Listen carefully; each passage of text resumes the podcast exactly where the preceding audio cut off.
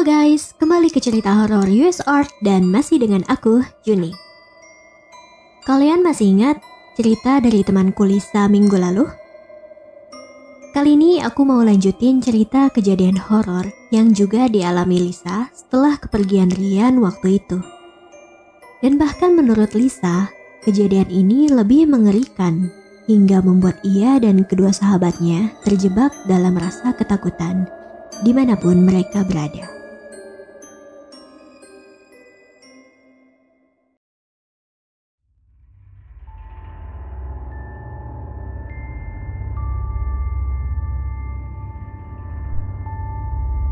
Sejak kepergiannya yang begitu misterius, tidak pernah sekalipun aku berhenti memikirkan penyebab Rian merenggut nyawanya sendiri saat itu.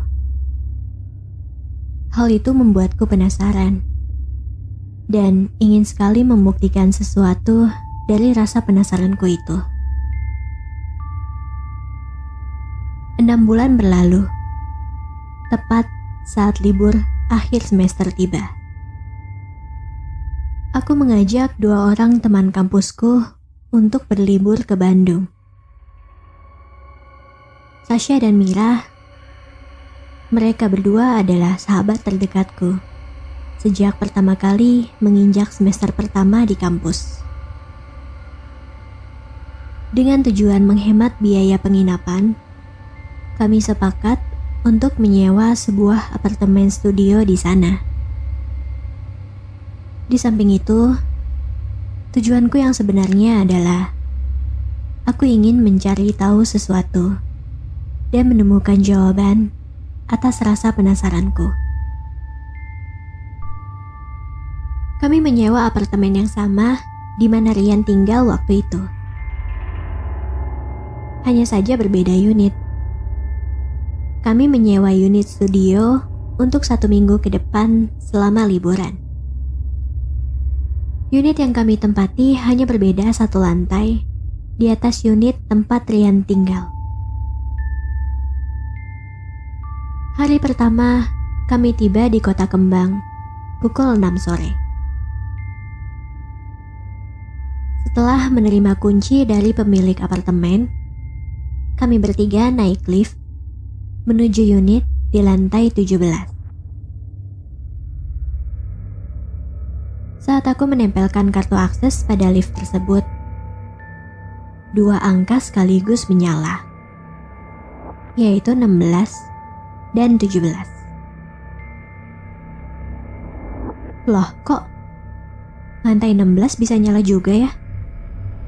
Tanyaku heran. Eh, iya ya. Error kali nih liftnya. Jawab Sasha. Nah loh, Jangan-jangan ada yang tak kasat mata mau ngikutin kita nih. Saut Mira. Temanku yang satu ini memang suka sompral kalau ngomong. Mir, mulai deh. Ingat kita lagi di mana. Jangan sompral kalau ngomong di tempat orang begini. Saut lagi Sasha dengan kesal.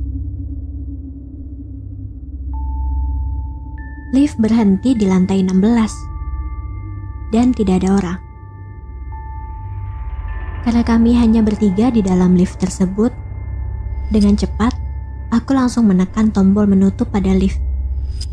Kemudian kami tiba di lantai 17.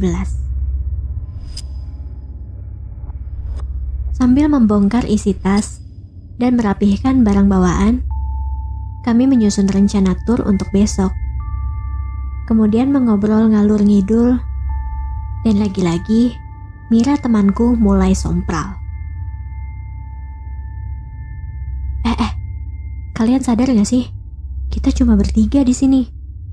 Katanya, kalau pergi jauh, itu gak boleh ganjil jumlahnya. Bisa-bisa ada yang ngikutin kita nih sampai pulang nanti. Mira, kita mau liburan di sini, bukan mau uji nyali. Please lah, ngomongannya tuh dijaga. Saut Sasha lagi yang terlihat kesal. Kalian berdua tuh berisik aja. Udah, aku mau mandi dulu. Jangan berantem ya. Sautku. Sebenarnya aku sempat kepikiran omongan Mira barusan. Karena dari isu yang aku dengar, apartemen di sini ternyata memang agak angker. Bahkan unit apartemen yang sempat ditinggali Rian dulu, sampai sekarang masih kosong. Belum pernah ada penghuni baru. Katanya karena berita penghuni yang bunuh diri saat itu sudah menyebar. Suasana di apartemen ini pun sangat sepi. Entah kenapa aku begitu memaksa untuk menyewa apartemen di sini. Mungkin karena rasa rinduku terhadap Rian. Keesokan harinya, kami mulai pergi mengunjungi beberapa destinasi wisata sesuai rencana yang berlokasi di Lembang. Mulai dari The Ranch, berlanjut ke farmhouse, kemudian berakhir di floating market Lembang. Yang kami lakukan di sana seperti biasa, kuliner makanan, foto-foto, pemandangan dan hal lainnya yang bisa kami pamerkan di sosial media. Hingga tak terasa waktu berlalu dengan cepat menunjukkan pukul 7 malam. Karena udara di sana yang semakin malam semakin dingin, dan kami tidak berpakaian tebal, juga tidak membawa jaket. Akhirnya, kami memutuskan untuk kembali ke apartemen saat itu. Perjalanan dari Lembang ke apartemen membutuhkan waktu selama hampir dua jam. Karena di musim liburan seperti ini, tentu saja tingkat padatnya kendaraan menimbulkan kemacetan. Sekitar pukul 9 malam, kami tiba di apartemen. Aku menekan tombol lift dan menempelkan kartu akses. Lantai 16 gak nyala lagi kan? Kata Sasha tiba-tiba. Enggak, Sya. Tenang aja. Jawabku. Kemarin itu pasti lagi error aja liftnya. Iya, aku takut aja kalau pintu lift kebuka, terus gak ada orang kayak kemarin. Apalagi sekarang udah malam. Kata Sasha. Kenapa harus takut sih? Setan itu kalau nampakin wujudnya, berarti mereka yang sial. Sahut Mira. Tiba-tiba lift berhenti lagi di lantai 16. Membuat kami tersentak dan saling menatap. Tasya dan Mira mengisyaratkan untuk aku mengecek apakah ada orang di sana. Perlahan, aku mengintip ke arah koridor yang agak gelap. Tidak ada satu orang pun yang terlihat di sana. Aku segera masuk kembali ke lift dan menekan tombol tutup. Hanya beberapa detik dan masih di lantai 16. Pintu lift terbuka lagi. Seperti ada yang menahan lift, namun tidak tampak seorang pun di sana.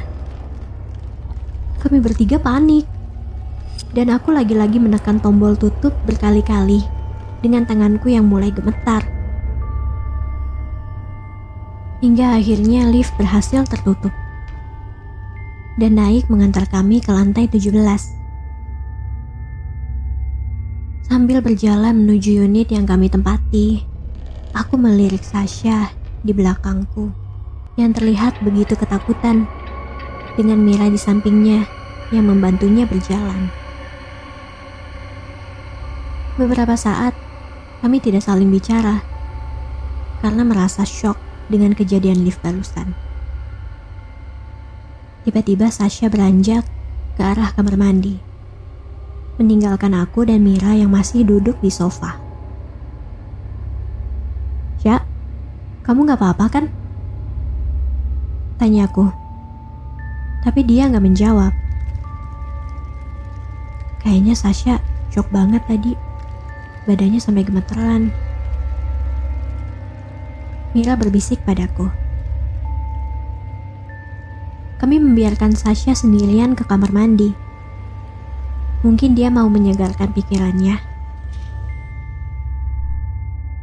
Sudah sekitar 20 menit, Sasha belum juga keluar dari kamar mandi. Dan suara pancuran air pun juga tidak berhenti. Tumben, dia mandinya selama ini.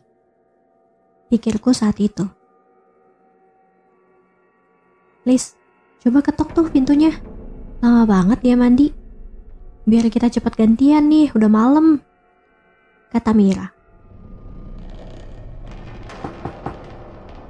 Ya, kau masih lama. Kita juga mau mandi nih, takut kemalaman. Suara pancuran air berhenti. Tidak lama, akhirnya Sasha membuka pintu kamar mandi. Tetapi ia seperti bukan baru selesai mandi, karena masih mengenakan baju yang dipakainya tadi. Bukannya handuk. Dan astaga, tiba-tiba di belakang Sasha aku melihat sosok wanita menyeramkan. Dia tinggi sekali, memakai baju hitam panjang, juga rambutnya yang panjang dan gimbal menutupi wajahnya. Lalu, tangannya seperti akan mencengkram temanku dari belakang. Aku segera menarik Sasha dari sana, hingga kami berdua jatuh terpeleset di lantai. Astaga, Sasha, Lisa, kalian kenapa? Sontak Mira kaget melihat kami terjatuh. Tasya menatapku dengan bingung. Sementara aku masih berusaha mengatur nafasku yang tersenggal. Sambil berkata dengan terbata-bata. E, um, itu tadi tiba-tiba Aku melihat tatapan Sasha berubah menjadi tatapan kosong. Lalu ia berkata, Kenapa? Kamu kaget lihat wujud saya barusan? Suaranya berubah terdengar seperti nenek-nenek. Aku segera mengangkat badanku dan menjauh dari Sasha.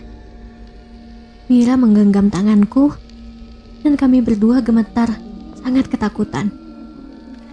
Ya Tuhan, ada apa dengan Sasha? Aku yakin dia kerasukan sosok yang kulihat barusan. Kemudian kami melihat Sasha berdiri, bahkan kakinya hampir tidak menapak di lantai. Membuatku dan Mira terperangah menatapnya ketakutan dan semakin gemetar. Lalu Tasya dijatuhkan ke lantai dan dia tidak sadarkan diri. Kami membawa Sasha ke rumah sakit terdekat. Saat pihak rumah sakit menanyakan, aku dan Mira tidak bisa menjelaskan tentang kejadian itu. Kami hanya mengatakan bahwa Sasha terpeleset dari kamar mandi dan pingsan. Kemudian kami berakhir menginap di rumah sakit, menemani Sasha di sana. Tubuhnya memar-memar, dan dia masih tidak sadarkan diri. Hingga keesokan harinya, di siang hari aku dan Mira kembali ke apartemen. Membereskan barang-barang kami dan memutuskan untuk langsung pulang ke Jakarta.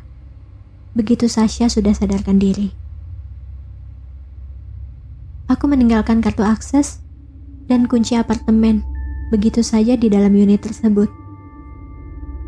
Kami pulang tanpa berpamitan dengan pemilik apartemen. Karena tidak ingin berlama-lama di sana. Dan takut terjadi sesuatu yang lebih mengerikan lagi. Beberapa hari setelah tiba di Jakarta, aku masih belum bisa melupakan kejadian itu. Bagaimana bisa aku lupakan? Aku menyaksikan sendiri saat itu.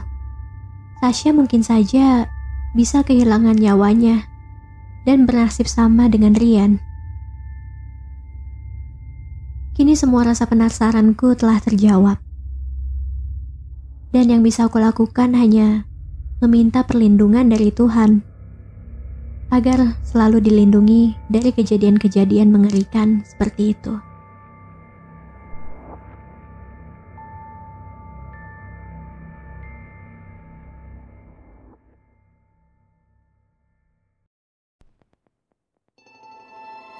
Buat semua yang udah dengerin cerita ini. Jangan lupa like dan komen pendapat kalian tentang cerita ini. Subscribe channel US Art sebagai dukungan kalian dan sampai jumpa di konten berikutnya. US Art, go! See ya!